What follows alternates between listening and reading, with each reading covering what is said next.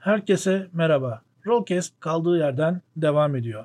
Öncelikle şunu söylemem lazım. Yine mikrofon ayarlarında bazı sıkıntı ama çok ince bir cızırtı e, duyabilirsiniz. Onu büyük ihtimalle yok edememiş olacağım. Ancak elimden gelen çabayı gösterdiğimi söyleyebilirim. Yani her defasında bu tür bazı e, teknik sıkıntılar yaşıyorum. Bu mikrofonumun bir tık daha iyi olmasına rağmen yeteri kadar iyi olmamasıyla alakalı bir durum. Ancak zaman içerisinde bir şekilde halledebileceğime inanıyorum. Şimdi yine benden haberler kısmında çok ufak bir şeylerden bahsedip hemen e, esas konumuza geçmeyi düşünüyorum. Evet, benden haberler kısmında aslında çok fazla bir şey yok ama şunu söyleyebilirim. Şimdi e, pazar günkü grupla biliyorsunuz e, Ravenloft macerası oynuyoruz. Cumartesi günkü grup çarşambaya geçti ve onlarla bir e, Fate oyununa başladık. Daha tam başladık denemez ancak e, Fate'e kendimizi hazırlarken bir yandan da Foundry Virtual Tabletop'ı öğrenmeye başlıyorum. Ve zaman geçtikçe daha böyle değişik özellikler öğrenmeye başlıyorum. Hepsi şöyle tam kıvamına geldiği zaman da anlatımını tabii ki de e, YouTube kanalına koyacağım. E, bunun dışında e, şu sıralar aslında bu senaryo ve içerik mevzularına e, biraz özen göstermek istiyorum. Çünkü biliyorsunuz daha önce de bahsetmiş olmam lazım. Uzun bir süre böyle yaratıcılığımı bloklayan bir süreçteydim. Şimdi yavaş yavaş onu kırmaya başlıyorum. Yani güzel bir ivme alabilirsem aslında tam böyle işte okullar bilmem neler sonrasında yaz dönemine çok güzel dokümanlar çıkarabilirim. Zaten sistemle ilgili henüz yeni bir gelişme yok çünkü dediğim gibi onu sene sonuna doğru bir yerlere attım. Ee, onunla ilgili de işte bu motivasyonumu geri kazanabilirsem ilk fırsatta yeni bir şeyler ekleyip birazcık daha dokümanı şişirmeyi düşünüyorum. Ama şu anki hedefimi şöyle söyleyeyim. Yani sene bitmeden en azından kitabın e, genel hatları tamamlanmış olacak diye umuyorum. Ve açıkçası insanların da gerçekten seveceğini, hoşuna gideceğini de düşünüyorum.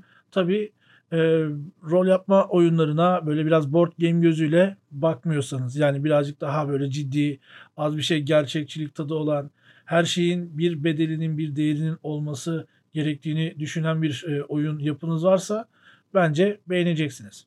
Neyse şimdi e, mevzuyu çok daha fazla uzatmayalım ama çok e, ufaktan bir şey söyleyeyim. E, özellikle İstanbul ve çevresindeki arkadaşlar için e, çok acayiptir. Böyle birdenbire e, Pokemon Go macerasına başladım. Daha doğrusu zamanında oynuyordum. Ancak biliyorsunuz bu spooflar bilmem neler çıktığında kapatmıştım. Yani oynamayı bırakmıştım. Şimdi devam ediyorum. Bir sürü yeni ilginç şeyler eklemişler. Eğer e, oynayanınız varsa arada ya da ha iyi bir bakayım falan diyen olursa e, şeye videonun açıklamasına e, Pokemon ID'mi bırakacağım. İsterseniz ekleyebilirsiniz. Arada işte giftleşiriz. Belki bir takım e, kapışmalara girişiriz falan. Her türlü olabilir. Evet gelelim e, bu Rollcast bölümünü özel yapan şeye. Evet arkadaşlar bugün tek bir konu üzerine konuşacağım ve konumuz da aslında Dungeons and Dragons ama Dungeons and Dragons'ın birazcık daha böyle benlik olan kısmı yani korku. Çünkü e, hafta başında Van Richten's Guide to Ravenloft kitabı piyasaya çıktı ve bununla birlikte tabii bir takım özellikler, bir takım bir şeyler geldi. Ben de bunu inceleme fırsatına eriştim ve hani biraz sizi bilgilendirmek, biraz kendi görüşlerimi eklemek istedim. Çünkü e, biraz önce de bahsettiğim gibi zaten bir Ravenloft oyunu oynatıyorum ki Curse of Strahd senaryosunu oynatıyorum. Biraz bunlar hakkında konuşmak istedim. Aynı zamanda Curse of Strahd veya Ravenloft hakkında fikri olmayan arkadaşlar için de e, bilgilendirici olabileceğini düşünüyorum. Ancak burada bir uyarı vereceğim. Çünkü bundan sonrası sizin için eğer Curse of Strahd oynamadıysanız ve oynamak istiyorsanız e, spoiler olacaktır. Ama oynatmak isteyen oyun yöneticisi arkadaşlar için belki birazcık daha bazı şeyleri açıklayabilir düzeyde e, bir podcast bölümü olabilir. Şimdi öncelikle şöyle başlıyoruz. Ravenloft nedir? Ravenloft dediğimiz olay aslında Dungeons and Dragons First Edition'da I6 koduyla çıkmış olan bir macera modülüdür. Hatta böyle yanlış hatırlamıyorsam böyle 30 sayfa falan o civarda bir şey. Çünkü First Edition'ın maceraları size hikayeyi çok vermiyor. Onun yerine böyle parça parça e, bir takım kritik detayları veriyor. Sanırım geri kalanını sen bir şekilde doldurursun şeklinde veriyorlar. Yani hiç First Edition oyunu oynatmadım ama bir iki senaryosunu inceledim. Hepsinde böyle hani işin hikayesel kısmı kitapta pek yer almıyor. Daha çok mekanik kısmı yer alıyor. Neyse bu e, tek seferlik macerayı oynadıktan sonra yani yayınladıktan sonra daha doğrusu adamlar Second Edition'da diyorlar ki ya bu Ravenloft aslında güzel konsept. Biz bunu bir de şey yapalım. E, setting haline getirelim diyorlar ve Dread, e, Domains of Dread, e, Dread diye bir kitap çıkarıyor. Domains of Dread diye bir kitap çıkarıyorlar. Ve bu kitapta aslında Ravenloft'un ne kadar geniş, ne kadar tehlikeli bir yer olduğunu bize güzel bir şekilde gösteriyorlardı. Ondan sonra ne oldu tabii? Edition'lar değişti falan filan derken Ravenloft e, Third Edition'a geçti. Third Edition'dan sonra Fourth Edition'da sanırım vardı bir iki kitabı. Şimdi de işte Fifth Edition'da Curse of Strahd senaryosuyla tekrar karşımıza çıktı. Ve de biliyorsunuzdur belki yakın zamanda Revamp adı altıyla ne? Revamp adı altında ha evet e, Revamp adı altında e, yeni bir basımı ortaya çıktı ve yeni basımda bazı yazım hatalarının yani kendinin hata olduğunu düşündüğü bazı e, ifadesel şeyleri değiştirdikleri bir e, baskı oldu ve bu baskının yanında tabii birkaç tane böyle ekstra güzel şeyler e, beraberinde sundular. Yanlış hatırlamıyorsam hatta kutusu böyle tabut şeklindeydi ve içinde tarot kaseti, e, karakter kağıtları, e, haritalar, böyle kaliteli güzel haritaları falan vardı. Yani bayağı böyle box set olarak çıkardılar ve bayağı da güzel gözüküyordu. Yani içerik yine aynı içerik ama bilmiyorum. Neyse. E, bu şekilde hayatımızda bir yer edindi. Tabii e, Türk insanı bunları belki birazcık daha işte 90'larda falan böyle fantastik olu romanlar okuduysa Ravenloft romanlarına denk gelmiş olabilirler. Ki benim e, arkadaşlarımın büyük, büyük bir kısmı Ravenloft romanlarını zamanında okumayı başarmış e, güruhtan. Yani ben de ne zaman böyle iki sene önce mi ne topladım romanları ama okumaya çok bir fırsatım olmadı maalesef. Sadece işte yani sağdan soldan bildiğim böyle az bir şey wikisinden baktım ya da işte az bir şey e, içinden bakıp ha bu böyleymiş falan dediğim bir miktar biliyorum. Onun dışında geri kalanını aslında biraz e, Curse of macerası esnasında öğrendim. Şimdi Ravenloft hakkında bilmemiz gereken en önemli şey şu. E, girişin kolay olduğu ancak çıkışın neredeyse imkansıza yakın olduğu bir ortam. Ve her şeyden önce Ravenloft dediğimiz ortam e, bir pocket plane. Yani e, diğer düzlemlerden ayrı böyle ara bir ortam.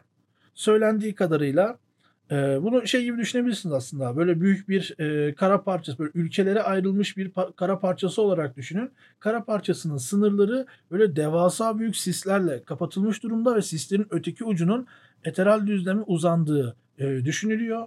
Ve bu kara parçası da esasen Shadow Plane'de Gölgeler Diyarı Fifth Edition'da Shadowfell olarak geçiyor sanırım. E, Shadow Plane'de e, var oluyor. Yani böyle söyleniyor. Böyle ilginç bir ortam. Ve biz burayı nasıl tanıyoruz? Biz burayı Barovya sayesinde tanıyoruz. Barovya, Kral Barov'un e, fethettiği bir ülke ya da işte ne bölge diyebiliriz.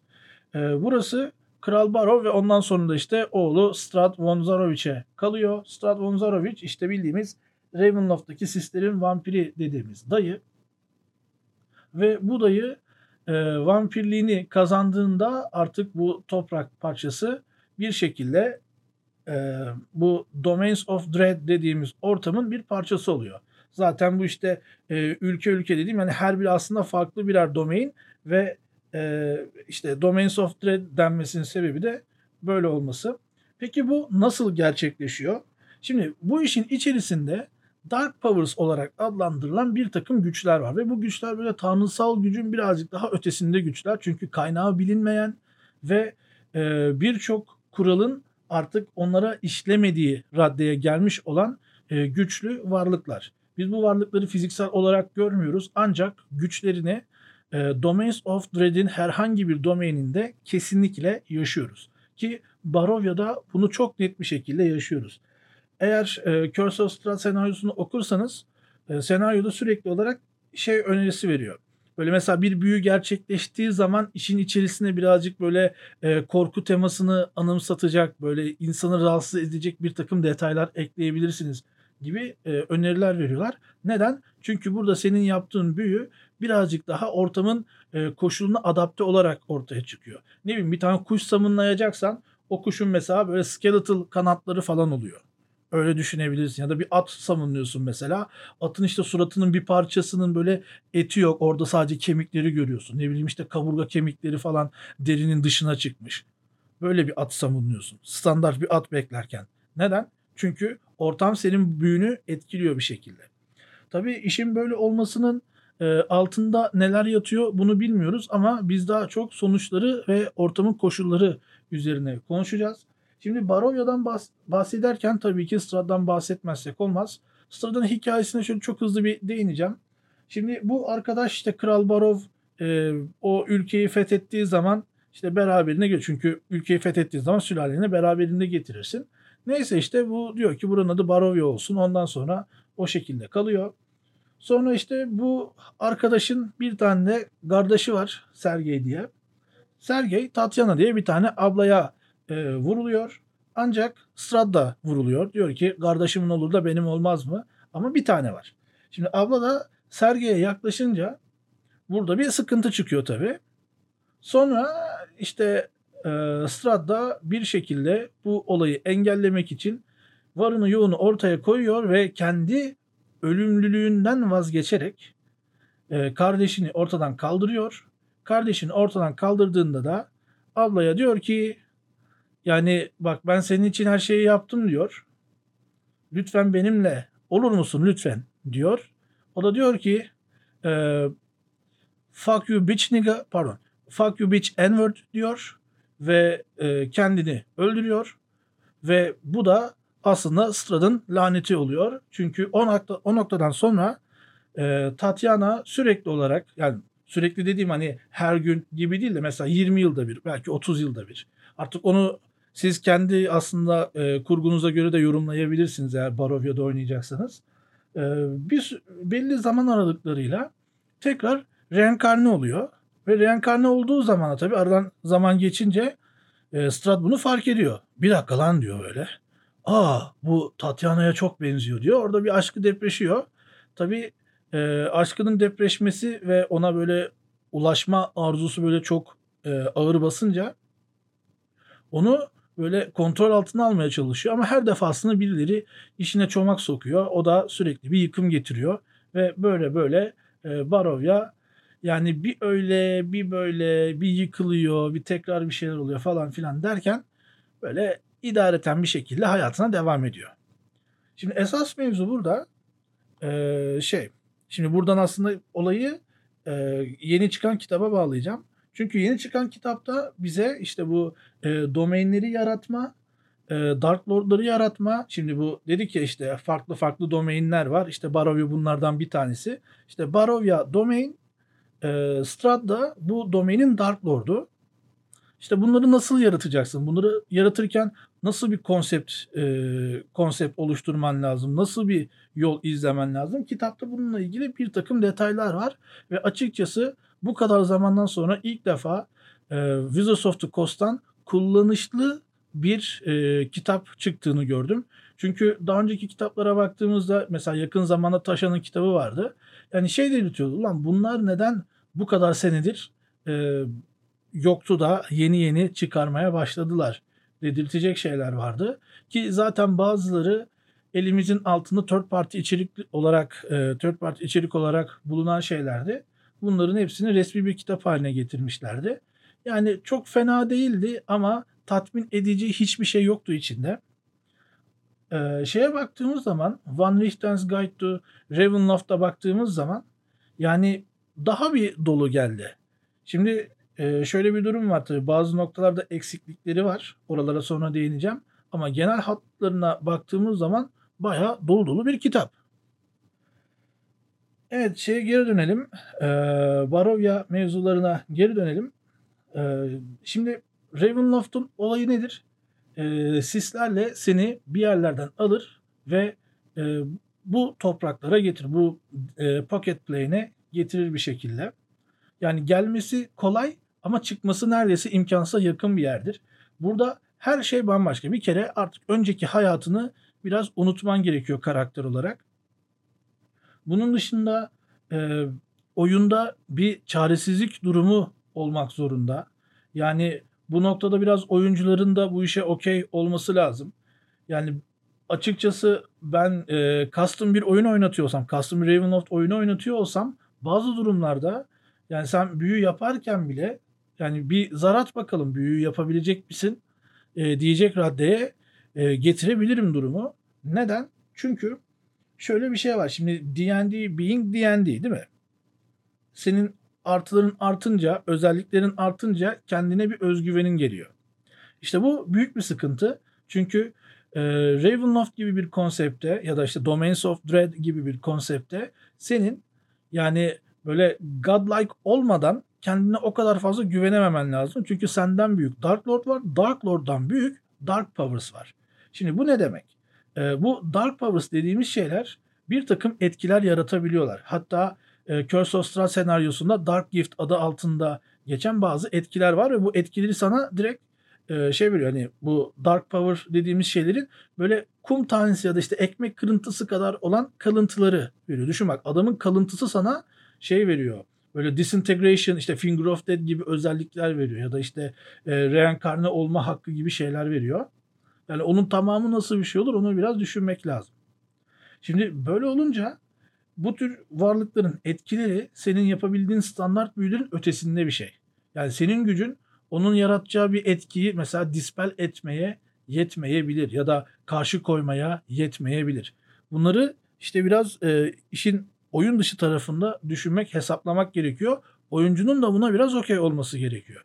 Çünkü e, bu tür oyunlarda genellikle e, karakter kağıdındaki yazılarla değil, e, yaptığın roleplay ile verdiğin kararlarla bir şeyleri çözüme ulaştırırsın.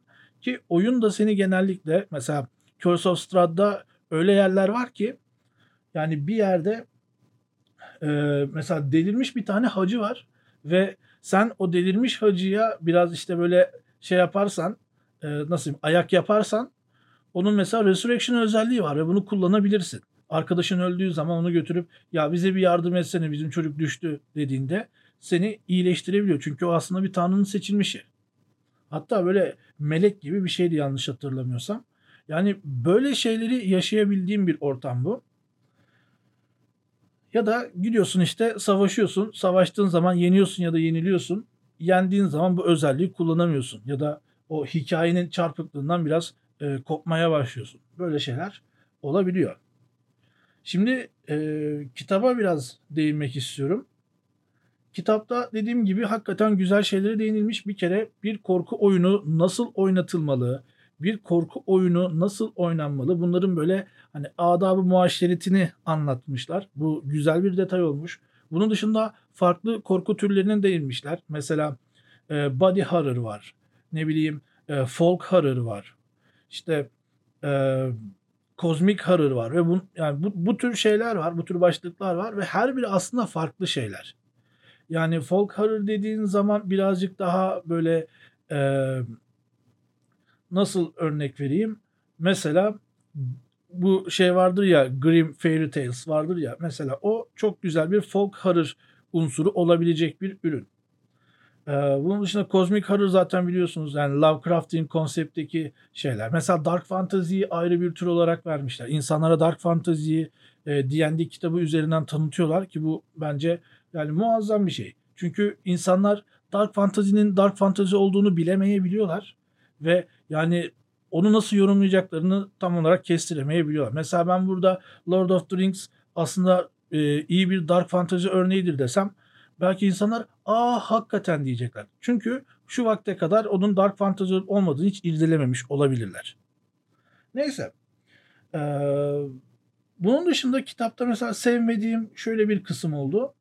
Ee, karakterler için mesela iki tane class koymuşlar. iki tane subclass seçeneği koymuşlar. Bir tanesi e, Bard için College of Spirits.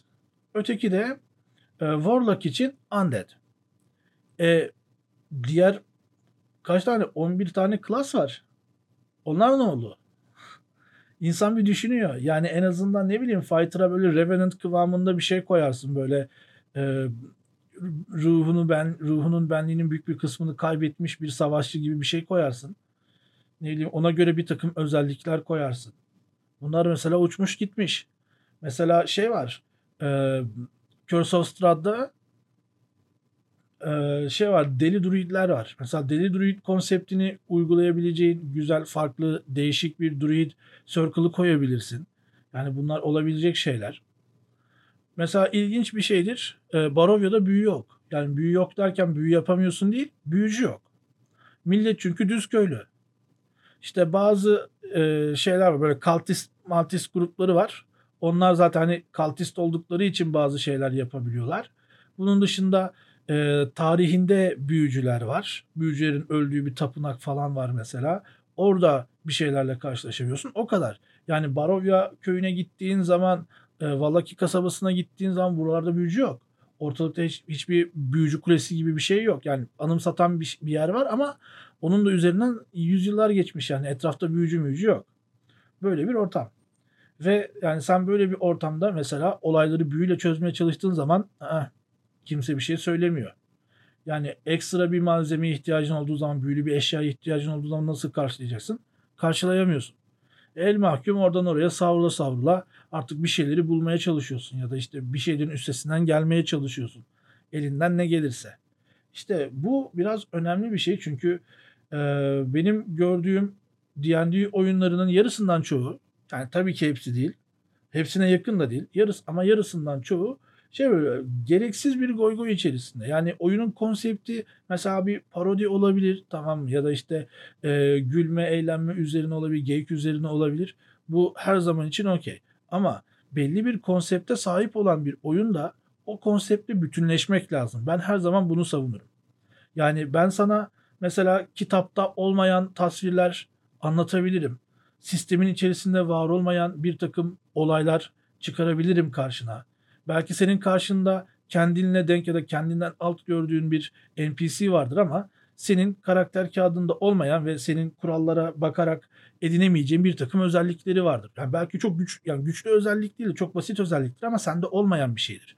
Bunlar olabilecek şeyler. Bunları kabullenmek lazım ya da e, kendini biraz konsepte e, adapte etmek, biraz odaklanmak lazım. Ve kitapta mesela bunların üzerine çok fazla değinilmiş. Bu benim gerçekten çok hoşuma giden bir nokta oldu.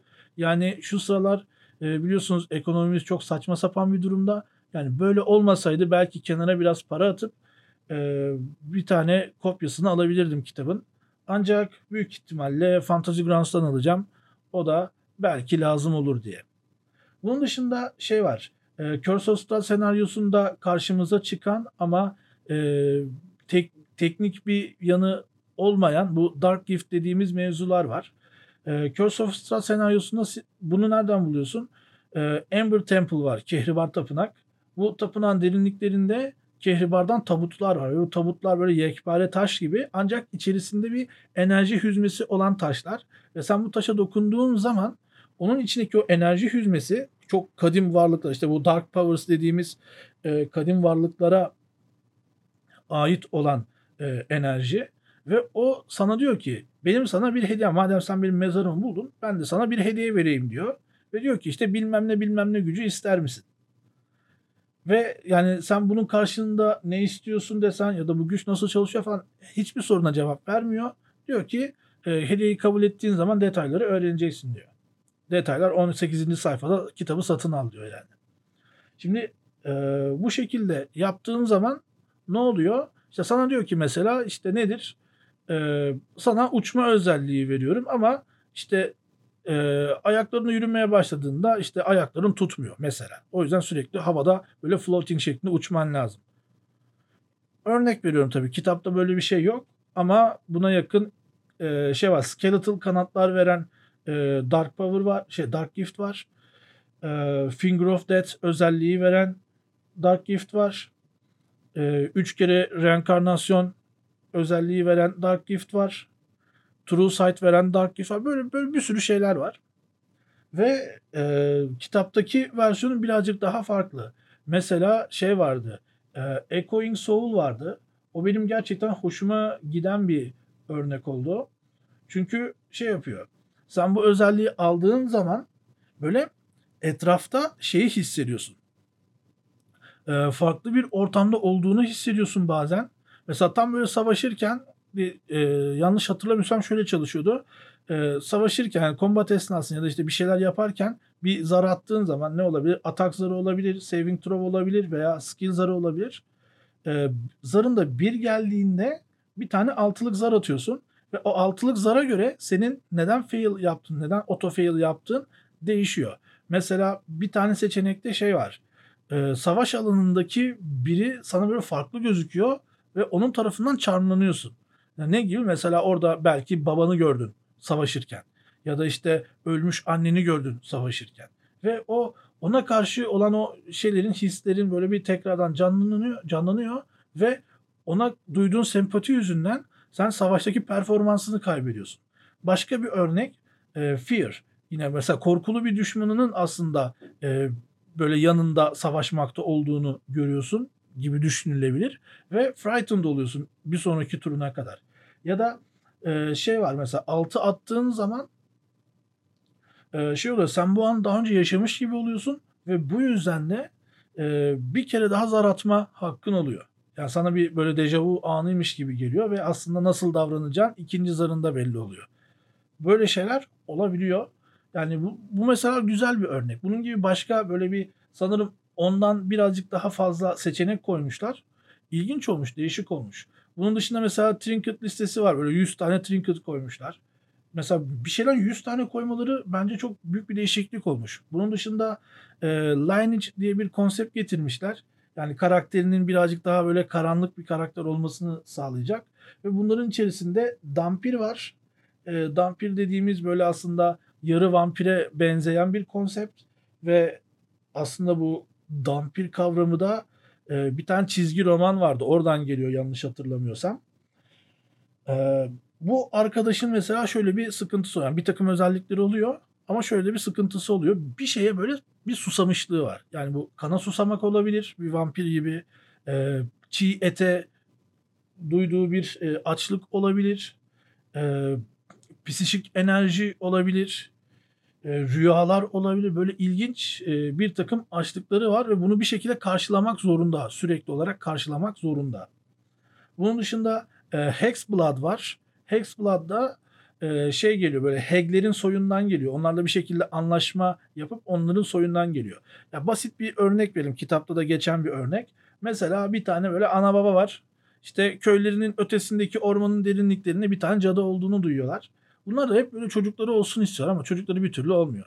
Sonra diyorlar ki ya yapacak bir şey yok ya keşke bir çocuğumuz olsa falan filan derken gidiyorlar cadının kapısını çalar. Diyorlar ki cadı abla cadı abla bize işte ya biz ne zamandır çocuk yapmaya çalışıyoruz bir türlü olmuyor.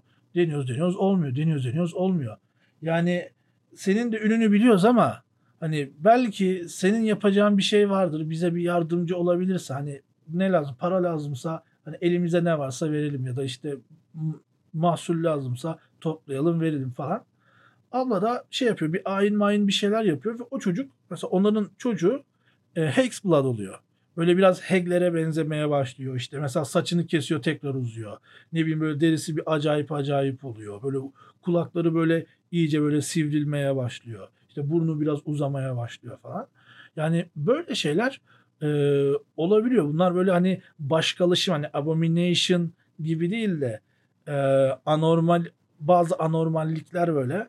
Bence e, güzel bir detay böyle deformasyon gibi şeyler. Çünkü bunu hayal gücünde bir yere oturtabilirsen aslında bunun verdiği o rahatsız edicilik hissiyatı gerçekten e, güzel kullanışlı bir detay oluyor. Özellikle böyle hikaye e, oluştururken, karakterin hikayesini oluştururken ve ortamın hikayesini oluştururken.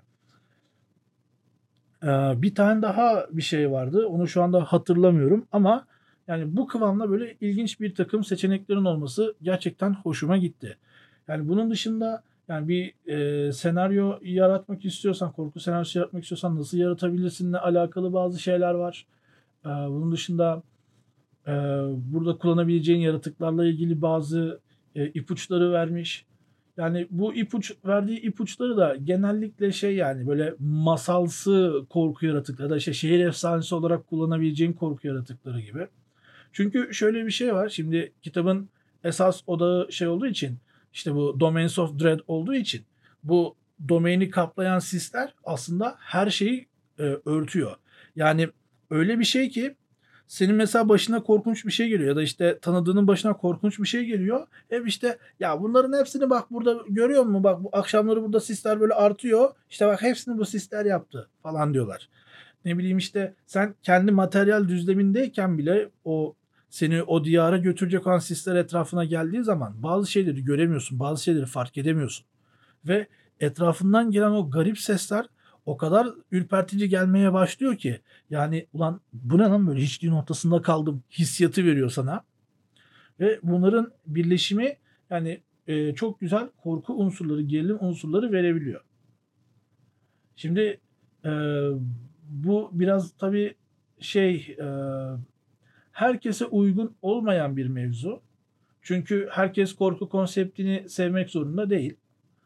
Ama bu konsepte merak duyan, ilgi duyan kişilerin muhakkak hani e, tamam ben dışarıdan bakar, bakınca ilgi duyuyorum ama içine bakınca e, falan yapmaması lazım. Yani burada güzel bir e, danışıklı dövüş olması lazım. Oyuncunun o çaresizliği biraz yaşaması lazım. Yaşamak istemesi lazım daha doğrusu. Çünkü ya ben işte sağ sola vurmak istiyordum diyen adamın karşısına şey getirdiğin zaman yani sen evet vurmak istiyorsun ama mesela işte baltanı savurdun e, yaratığın kafası fırladı gitti ama e, koluyla seni tutmaya çalışıyor dediğin zaman adam şöyle e, ben işte öldürmedim mi şimdi? Ya tamam işte vurdun kafası gitti ama beden yürümeye devam ediyor. Yani burada mesela işte ama benim artı şuyum var, eksi buyum var bilmem ne hesabını yapan adamın mesela bu tür bir oyun oynamaması lazım. Bu tür şeylere biraz dikkat etmek lazım. Hatta e, daha doğrusu şöyle bu tür bir oyun oynuyorsan hesabı kitabı yani ikinci belki e, üçüncü dereceye atman lazım. Esas hikayenin sana verdiği o gerilimi yaşayabilmeyi odaklanman lazım. Bu biraz e, zor bir şey. Bilmiyorum e, siz ne kadar rahat e, bir şekilde bunu gerçekleştirebiliyorsunuz. Yani ben kendini kaptırabilen arkadaşlarımı da gördüm. Kendini hiç kaptıramayan arkadaşlarımı, sıkılan arkadaşlarımı da gördüm. O yüzden şey yapamıyorum mesela bunu bir genellemeye koyamıyorum. Çünkü teknik olarak her insan kendi şahsına münasır. Bu yüzden hani doğru ekiple yani çok geyik yapan adam bile yani büyük bir ciddiyetin içerisine girebilir. Kendini çok böyle gerilmiş bir vaziyette bulabilir. Ya da e, çok ciddi gördüğün bir arkadaşın saçma sapan espriler yapmak için fırsat kovalıyor olabilir. Çünkü biliyorsunuz bizim insanımız her fırsatta yani şeydir böyle 100 bin tane e, Yiğit Özgür karikatürü okudum. 100 bin birinciyi ben yapacağım. İşte 200 bin tane e, Umut Sarıkaya karikatürü gördüm. 200 bin birinci tespitini ben yapacağım diye böyle çok kasar ya kendine. E, ne zaman kimin ne yapacağı belli olmaz. O yüzden birazcık deneme yanılma noktasına geliyor bu iş. Ve şöyle güzel bir şey var. Tam olarak hangi sayfanın neresinde olduğunu hatırlamıyorum ama bir tane böyle yüzlük zar listesi var. Ve sen hani işte bu sislerle oyuncular bu sislerle e, karşılaştığı zaman nereye gidecekler diye bir soru. Bu zarın karşılığında mesela 1 ile 4 arasında Barovia'ya gidiyorlar. İşte Strat'la karşılaşıyorlar vesaire vesaire. E, 100 gelirse zarda diyor ki DM kendi e, domainini tasarlasın onu oynatsın diyor. Bence güzel bir e, itelemece. Yani tabi listeler her zaman için zorunlu kullanma zorunluluğu olan şeyler değil. Yani orada mesela diyor ki işte D8 yolla, D12 yolla diyor. Ya da kendin seç diyor. Ama bu tür bir şeyin de bir seçenek olarak cepte durması bence gayet güzel bir şey. Şimdi dedik ki e, kitap sana işte kendi e, Dark Lord'unu, kendi domainini yaratmayı sağlıyor. Peki bu noktada nelere değiniyor? Bu da mesela güzel e, düşünülecek bir soru. Şimdi her şeyden önce şöyle bir durum var. Ee, içinde bulunduğun domainin kendine özgü bir kültürü olmak zorunda. Kendine özgü bir takım e, olayları olmak zorunda. Yani bunu şey gibi düşünmeyeceksin. İşte mesela Waterdeep ile işte Neverwinter gibi düşünmeyeceksin. Yani tamamen bambaşka bir yerde olabilir. Kendini kısıtlamayacaksın. Önemli olan bu. Çünkü tahminen Sword gibi bir alan direkt olarak e, Domains of Dread'e bir yerden yapışıyor. Biliyorsunuz Domains of Dread e, sondan eklemeli bir domaindir. O yüzden böyle sondan eklemeli bir şekilde aynı Türkçe güzel Türkçemiz gibi e, sondan eklemeli bir şekilde büyüdükçe genişleyen sonsuza kadar uzanan aslında yani gitgide de kendini e, büyüten ve genişleten bir ortamdır. Aynı işte uzay gibi. Ama tabii daha e, uzaya kıyasla büyük ihtimal daha mikro düzeylerde. Çünkü pocket plane. Bu gerçeği unutmamamız lazım. Şimdi e, burada önemli olan detaylardan bir tanesi aslında yani evet bir domain mevzusu var. Peki bu domain neden geliyor, nasıl geliyor, ne oluyor, ne bitiyor? Esas mevzu burada. Burada önemli olan şey şu. Domainin Dark Lord'u olacak olan kişinin böyle e, yani yüreğinin derinliklerinde böyle karanlık bir tutku, karanlık bir e, hırs olması lazım ve e, karanlık güçlerin ona bu hırsının karşılığını yani e, ulaşmak istediği noktaya ulaşmanın sözünü vermesi lazım ve anlaşmanın şartlarıyla biraz böyle oynaması lazım. Çünkü e, Strad'ın mesela durumuna baktığımız zaman ne oluyor? O diyor ki ben bu kadınla birlikte olmak istiyorum. Abimi de ortadan kaldırmak istiyorum diyor. Bunlar da diyorlar ki o zaman abini öldüreceksin, kanını içeceksin, vampir olacaksın. Ancak orada işte bir arbede oluyor, bir şeyler oluyor falan. Abla ölüyor, abla geri geliyor. Bu da diyor ki bak ben senin için her şeyi yaptım. Bak ben senin için her şeyi yaptım. Benim ol diyor. Abla da diyor ki fuck you bitch n diyor. Ve bu e, sadece olayı bitirmiyor. Çünkü Strad artık buraya çakılı kalmış durumda. Buradan çıkamıyor, gidemiyor, kendini öldüremiyor. Bak düşün vampir kendini öldüremiyor. Ve bütün domain aslında o kadar da aydınlık olmayan bir hale dönüşmeye başlıyor. Hatta işin daha ciddi noktalarında artık gündüzler bile e, vampir, vampir spawn tarzı yaratıklara zarar veremeyecek noktaya gelmeye başlıyor. Şimdi bu noktada şöyle bir durum var. Yani mekanik anlamda ne olursa olsun Dark Power dediğimiz varlıklar o e, tanrısallığın da üstünde olan varlıklar engelli her şeyi engelleyebiliyor. Her şeyin biçimini değiştirebiliyor. O yüzden abi kitapta böyle yazmıyor ama e, gibi durumlarla karşılaşabilirsiniz. Benden şimdiden söylemesi e, yazmıyorsa yazmıyor e, diyebilecek rahatlıkta olmanızı kesinlikle tavsiye ediyorum. Çünkü şöyle bir şey var. Kitabın hiçbir yerinde, hiçbir kitabın hiçbir yerinde yani Fifth Edition içerisinde hiçbir kitabın hiçbir yerinde e, Dark Powers'ın özellikleri şudur budur diye böyle tek tek listelememiş. Sadece anlatım yapmış. Bu yüzden dersin ki sen Dark Powers'ın bütün özelliklerinin tek tek listesini bul Fifth Edition'da ben de ona göre konuşayım dersin eğer çok itiraz eden olursa. Ki yani kimsenin itiraz etmemesi lazım e, yarım saat anlattığım sebeplerden ötürü. Neyse. Dark Lord'un işte bu durumdaki gibi hani böyle çok ciddi böyle takıntılı işte gerçekleştirmeyi her şeyden çok istediği bir şey olması gerekiyor. Ve burada e, Strad'ın içine düştüğü trik nedir? E, Tatyana ölüyor ama reenkarne oluyor. Reenkarnesiyle tam bir araya gelecekken araya bir şey giriyor, bir araya gelemiyor. Kız ölüyor, Strat tekrardan kalesine kaçıyor. Aradan başka şeyler oluyor. Strat sinirleniyor. Böyle işte e, etrafı seller basıyor. İşte kurt adamlar saldırıyor. Vampirler saldırıyor falan filan derken başka bir zaman başka bir yerde başka bir kız bu sefer Tatyana'ya benzeyen biri olarak ortaya çıkıyor. Bak görüyorsun değil mi? Bak burada bir şey var. Kısır döngü var.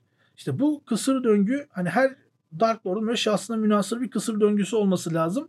Çünkü aslında e, Domains of Dread'deki bütün domainler Dark Lord'unun hapishanesi. Bunu unutmamanız lazım. O, orası o adamın hapishanesi ve oradan kurtulamıyor. Bir şekilde o döngüyü sonsuza kadar yaşayacak. Artık olayı her neyse. Bu arada e, kitapta takdir ettiğim şeylerden bir tanesi de şu oldu. Ben sadece işte Ravenloft diye anlatırlar giderler diye düşünüyordum.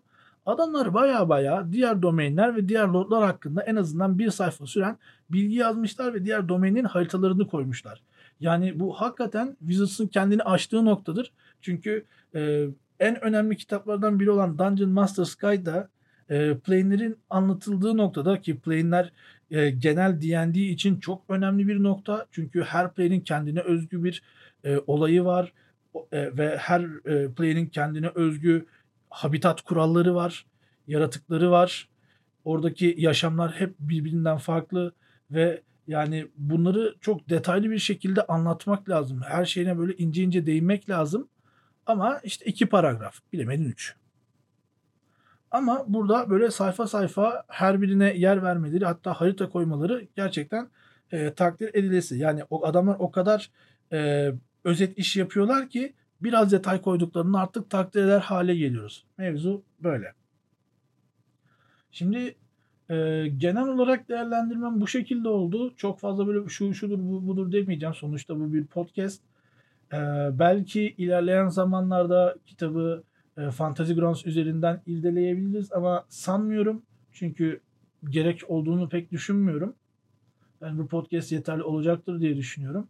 Ama yine de e, video olarak da görmek isterseniz YouTube'da yorumlara yazabilirsiniz. Yani bilmiyorum artık bunu Spotify'dan mı dinlersiniz ya da YouTube'dan mı dinlersiniz ama e, yorumunuzu YouTube'a yazarsanız e, ben ona geri dönüş yaparım ya da en azından bir değerlendirmeye alırım. Biliyorsunuz ben genellikle e, ilk 24 saat içerisinde hatta 10 dakika ile 24 saat arasında yazdıklarınızı görüyorum. Hatta cevap veri, cevap verilecek bir şey varsa cevap da vermeye çalışıyorum.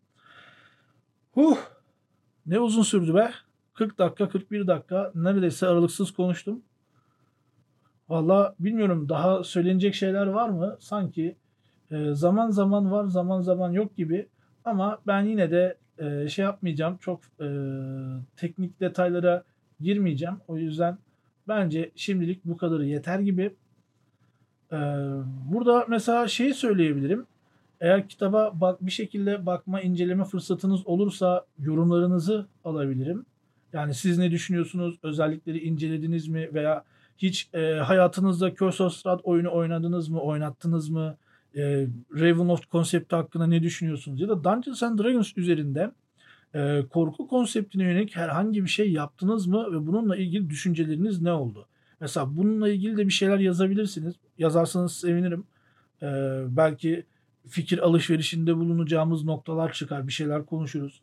Ya da en azından hani sizin de e, bir iziniz olur. Yani bu böyle bir e, podcast'in altında bir yorum olarak sizin de bir iziniz olur. Diğer insanlar da görür. Aa insanlar böyle şeyler yapıyormuş falan der.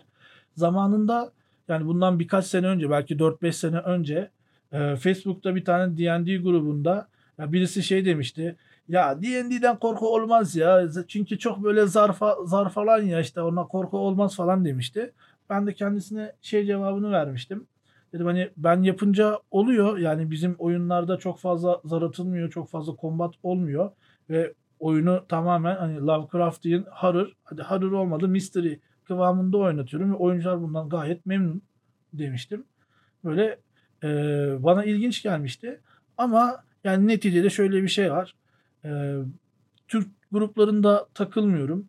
Açıkçası size de çok fazla takılmanızı tavsiye etmiyorum. Çünkü nereden neyin çıkacağı belli olmuyor. Güzel şeyler çok fazla çıkmıyor ama sürekli böyle e, dandik şeyler çıkıyor. Ben o yüzden e, Türk gruplarını takip etmeyi bıraktım. Hatta geçenlerde Facebook'umu da tamamen kapattım. Büyük ihtimalle bir daha da açmam. Yani şey bile kapattım. E, sitenin Facebook sayfasını bile kapattım. Zaten bir şey paylaşmıyordum. Yani beğeni falan da gelmiyordu. Hatta azalıyordu.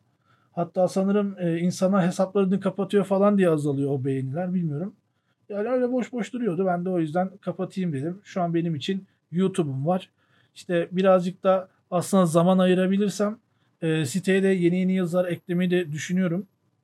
Ama tabii yani D&D'ye özel bir şey yazmayacağım siteye. Hatta buradan bir kez daha şey yapayım, duyurmuş olayım. Bir arkadaş geçenlerde söyledi işte dedi sen senin sitedeki D&D yazılarına ulaşamıyoruz falan diye. Onları kaldırdım çünkü çok fazla şey var böyle e, D&D'yi sıfırdan anlatmaya niyetli arkadaşlar var etrafta. YouTube YouTube'da artık Türkçe rol yapma oyunu içeriği baktığınız zaman herkes sıfırdan D&D 5th Edition anlatıyor ama herkes.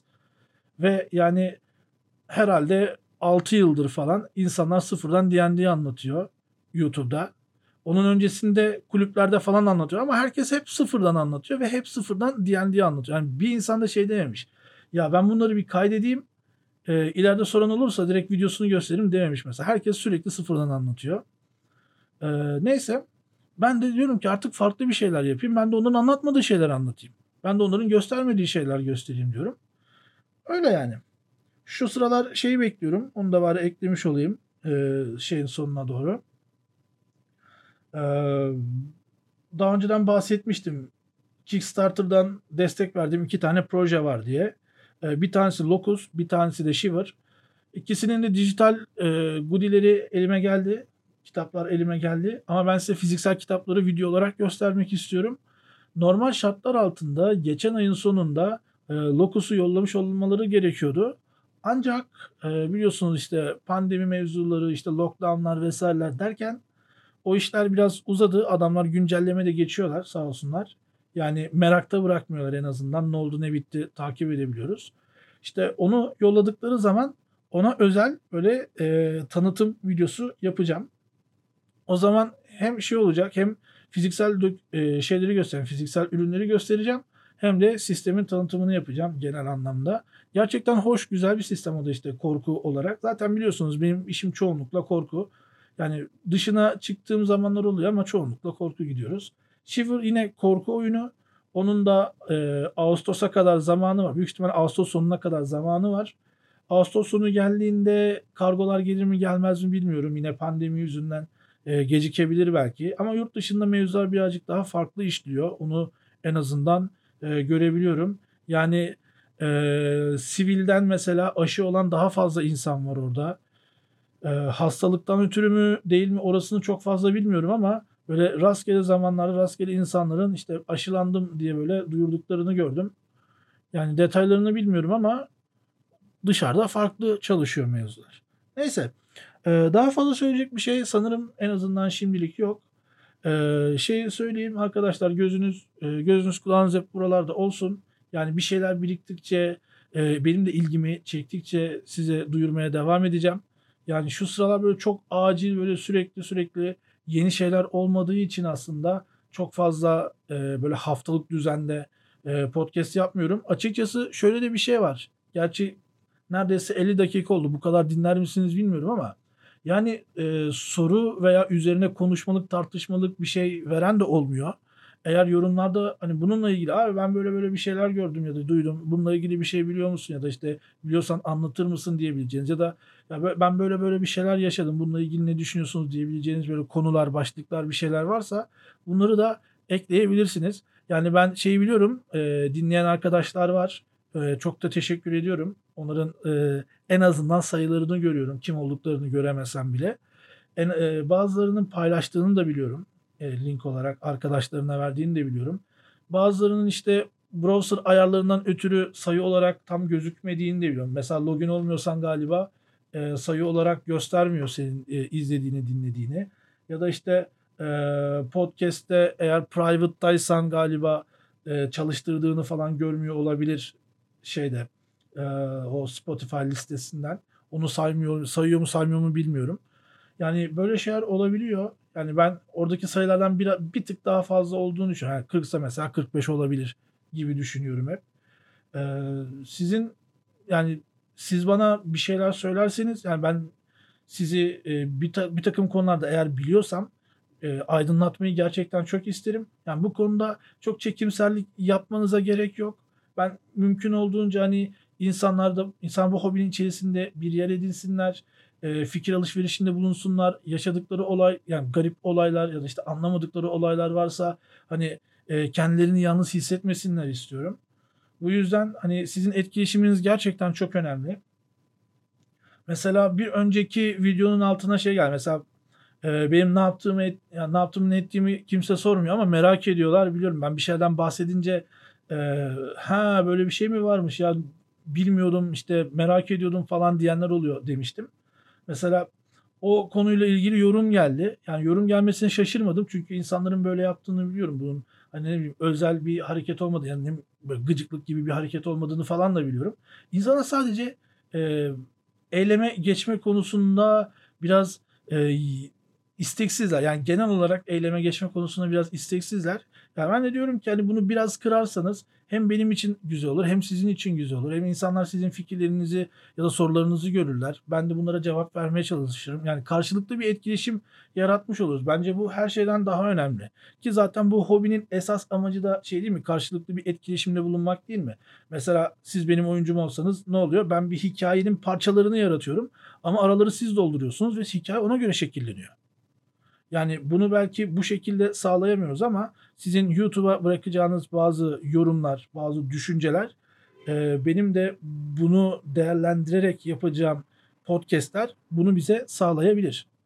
O yüzden e, bu konuda sizin de yardımınızı, desteğinizi bekliyorum. Oha 50 dakikayı doldurduk. Ben artık ah yorulmaya başladım. Eee şu kaydı tamamladıktan sonra da sanırım e, yabancı kanaldaki yayınımla ilgili bazı ayarları kontrol edeceğim. Çünkü bazı ayarlarım bozulmuş. E, öte yandan işte e, bu Fate oyunumuzla alakalı ayarlarımla uğraşacağım. Foundry'yi birazcık daha öğrenmek istiyorum. Hatta Foundry üzerinde D&D oynatabilecek kadar aslında hakim olmak istiyorum. Rahat bir şekilde oynatabilecek kadar hakim olmak istiyorum.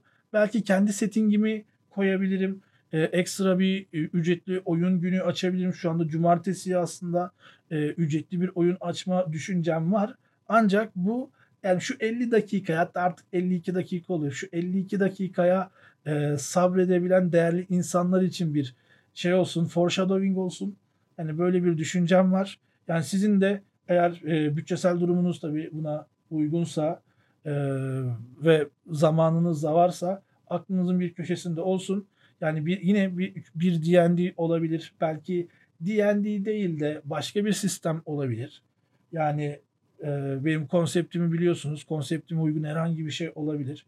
Yani çoğunlukla işte böyle bir 5-6 yıldan daha eski sistemlere bakmıyorum.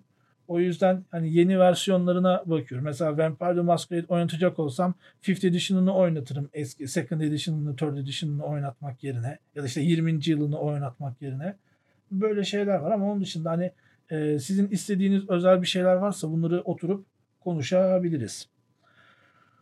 Sanırım tükendim.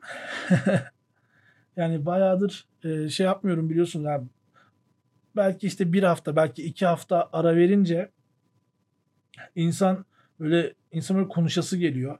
Bir de Türkçe yayın da yapmıyorum ya bir de videolara da ara verdim. O yüzden böyle bir hani konuşasın böyle anlatasın bir şeylerim var. Ama bir yandan da bakıyorum lan bunu kim dinleyecek ki bu kadar saat diyorum. Neyse. E, bunu artık burada kessem iyi olacak. Çünkü bu monolog bitmiyor. Bitmiyor. Cidden bitmiyor. E, bir sonraki bölümde görüşürüz. Onu kısa tutmaya çalışacağım. Kusuruma bakmayın. Haydi GG.